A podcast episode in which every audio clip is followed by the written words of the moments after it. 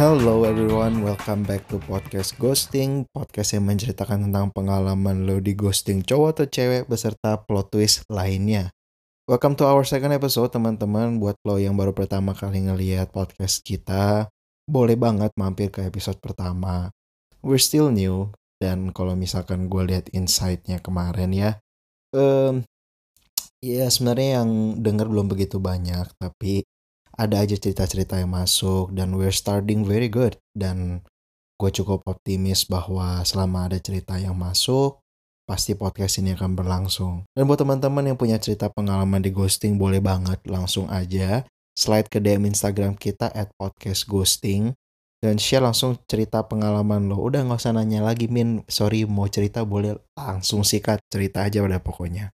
Nah teman-teman, ada banyak banget ya hal-hal yang kejadian minggu ini pandemi COVID-19 ini belum selesai, angka kasus harian terus pecahin rekor.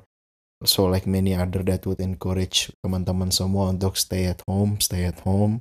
Selama ada kegiatan yang bisa dikerjakan di rumah, kerjain dari rumah aja. Dan kalau misalkan lo udah mulai free, udah mulai bosen dan mau cari entertainment lainnya, boleh banget langsung aja dengerin podcast Ghosting. Anyways teman-teman, um, gue gak mau lagi berlama-lama cerita. Seperti biasa, gue langsung pengen bacain salah satu cerita yang masuk ke DM kita, pengalaman di ghosting atau ngeghosting boleh banget share aja ceritanya. And yeah, so let's just get into the story.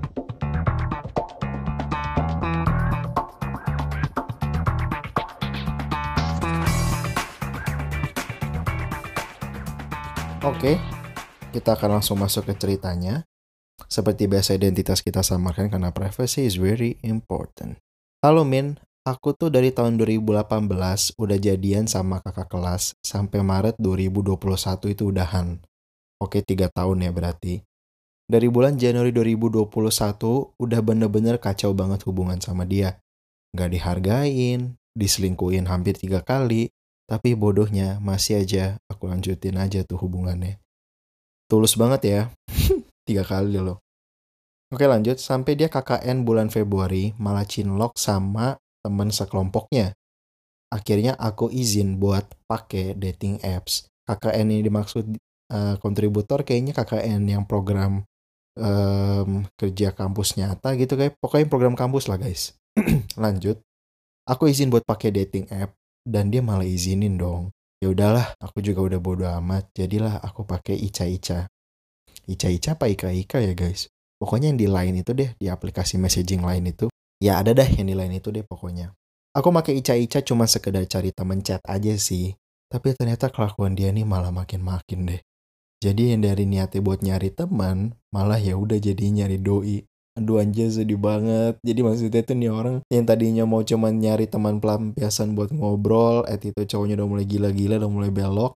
Tapi akhirnya dia malah jadi buat nyari doi beneran, nyari gebetan beneran. Lanjut. Akhirnya aku udahan sama dia ini, mantan yang udah tiga tahun ini ya. Baru aku ketemu satu orang dari Ica-Ica ini. Sebut aja namanya D. Oke guys, ke depannya kalau misalkan gue sebut D, berarti ini dia lagi ngeceritain soal um, orang yang dia ketemu dari dating apps itu.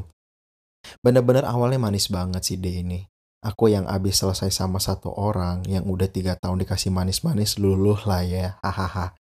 Guys, lo harus coba ngerasain bagaimana ketika lo lagi dalam proses move on, ada juga lawan jenis yang single atau mungkin ada orang yang bisa ngasih mental support atau at least um, bahasa kasarnya tuh yang bisa bikin lo lupa sama mantan lo. Dan itu adalah salah satu cara yang bisa bikin lo cepat move on. At least dalam cerita gua, it works. It works. Lanjut. Kita nyambung banget, suka baca novel, suka night ride, banyak kesukaannya deh yang sama. Wah, anjing, satu frekuensi nih. Karena sebetulnya tuh aku nggak pernah di treat kayak yang D lakuin ini. Aku bener-bener jadi suka banget sama dia. Pokoknya kayak awal-awal suka sama orang gimana deh, WK WK WK. Dia tuh juga udah manis, baik, perhatian, bisa diajak random, sampai ngomongin hal-hal yang deep, hal-hal yang deep, serius gitu maksudnya.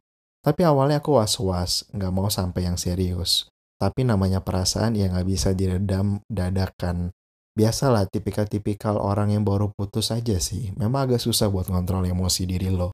Apalagi lo langsung dihadapin sama orang yang dalam tanda kutip bisa ngebantu lo lupain mantan lo. Wah, asik nih. ya. Coba terus kita lanjutin ya. Sampai dua bulan kita chat. Dari bulan Februari ke bulan Maret. Berarti dia ini udah chat sama si D dari dia waktu lagi masih sama mantannya tapi ketika sampai putus juga berarti ya. Akhir Maret dia udah mulai slow respon. Waduh. Aku juga pikir karena dia lagi tugas akhir. Jadi banyak yang harus dia kerjain. Dia lama-lama balas aku jadi 6 jam sekali. Dari yang pertamanya nggak ada semenit dia langsung balas. Waduh. Buaya darah alert. Awalnya 6 jam sekali, terus 10 jam sekali, 12 jam sekali. Bos, ini eh, si apa ya si D ini lo balas chatnya lo lagi habis buka puasa apa gimana deh? Pernah bilang kalau HP dia rusak, tapi IG on terus. Mana SG-nya isi dia selfie mirror pakai iPhone 10. iPhone X, iPhone X rusak kenapa iPhone X kalau nggak kebanting sama kecemplung ya? Kelihatan banget dia tuh eh, terus ngejauh. Sampai sebulan kita ngacetan di bulan April, aku galauin dia banget. Karena tiba-tiba pergi hilang gitu aja. Relatable. Karena aku anaknya nggak bisa digituin, aku nekat nanya dia kenapa. Oh ya, sebelumnya kenapa aku sampai sekejar ini sama dia? Karena dia pas awal-awal bilang kalau ada apa-apa bilang ke dia, sedetail apa pun. Dia janji nggak hilang dan ke mana-mana. Karena janji itu, aku nekat nanya kenapa dia ngejauh.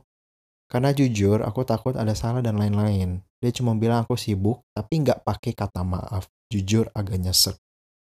Gila, kontributor kita hari ini tuh untuk for someone yang you just met online, em, cukup tulus banget. Jadi untuk part yang tadi gue baru bacain guys, maksud kontributor adalah sebe eh, waktu dia masih intens-intensnya sama si D dari bulan Februari ke Maret itu, si D tuh pernah bilang, pokoknya kalau lo ada apa-apa lo harus cerita ke gua.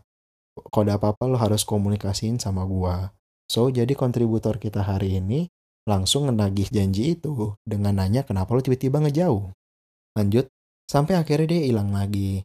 Balik lagi, dia ngajak ketemuan aku dua kali. Udah ngilang ngajak ketemuan dua kali, boleh juga nih orang. By the way dia di Jaksel, aku di Bekasi. Nah dia mau ke Bekasi nemuin aku. Tapi pas hari H dia selalu batalin.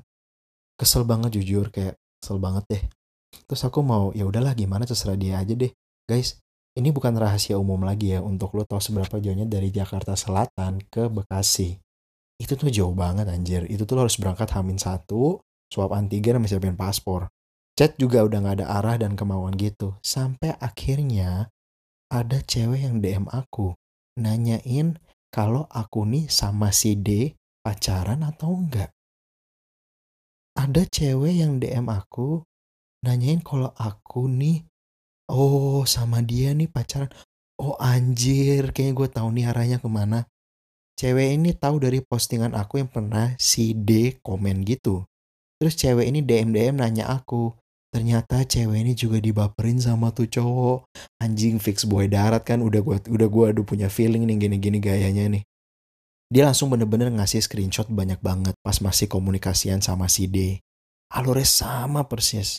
Dari Ica-Ica ke Line, terus pindah ke WhatsApp, terus ngebaperin, terus diajak ketemuan di hari H tapi juga dibatalin. Bahasa chatnya pun sama banget. Bahasa chatnya pun sama banget yang tuh cowok omongin ke aku dan ke cewek ini. Jadi cara chatnya tuh sama guys. Aku shock banget. Ngebaperinnya pun sama. Hobinya disamain, kesukaannya disamain, suka deep talk tiap malam, bisa diajak random. Pokoknya ngebaperinnya ngetritnya cewek ini kayak the one and only banget. Bangsat, the one in many kali. Pas ngilang pun alasannya sama. Mau ngerjain tugas akhir, magang, dan HP rusak. Ya ampun nih cowok lo gak punya format lain apa? Tapi nanti baik lagi dan ngajak ketemu. Kayak ngasih harapan lagi. Tapi ujung-ujungnya dibatalin. Dan gilanya lagi, aduh. Cewek ini bilang ke aku, kalau dia punya dua akun cewek lain yang sama dibaperin sama tuh cowok. Aduh gila banget ya. Wah gila. Buaya darat anjing. Bangsat man. Jadi maksudnya nih orang ada empat cewek lain termasuk kontributor cerita kita hari ini yang juga di chat sama itu cowok. Aduh gila banget nih orang. Akhirnya kita, kita tuh di sini maksudnya em, korban-korban ghostingan nih buaya darat si D ini. Akhirnya kita nih kayak gimana ya caranya bikin nih cowok nih supaya mati kutu. Tadinya niat mau bikin grup call, terus call itu cowok. Tapi pas kita line dia, dia nggak mau. Tapi udah flat banget chatnya juga, kayak nggak mau chatan gitu deh. Terus tiba-tiba call pun ditolak. Padahal tuh dulu, waduh, udah deh. Oh, jadi masih dulu tuh jauh lebih better dan fast respon gitu. Akhirnya kita cuman ngirim chat panjang, ngata-ngatain dia gitulah. Terus sekarang dia diaktif Instagram, tapi kayaknya lain masih aktif buat nyari mangsa. Guys, buat lo yang denger ini, ini. Dan kalau ada orang yang ngedekatin dengan format yang sama, lo udah tau lalu ujungnya kayak gimana. Aku blok line dia, dan di IG udah nggak saling follow-followan. Di WhatsApp aku hapus nomornya, tapi kalau sama cewek-cewek yang tadi, aku sekarang jadi berteman baik. Itu pengalaman ghosting anakku Min dan gak mau lagi pakai dating app. Udah sih, itu aja ceritanya. Semoga bisa di featurein ya ceritanya. Ya, episode 2 korban ghostingan dari dating apps. Menurut gue ini salah satu hal yang gila banget. Salah satu plot twist yang cukup menguras emosi banget ya. So guys, kalau untuk yang tanggapan gue pribadi di sini sih gue coba untuk netral dalam berespon. Kenapa? Karena satu, seperti yang kita tahu, dating apps itu kan adalah public platform. Jadi semua orang bebas dengan alasan masing-masing untuk berada di dating apps itu seperti apa.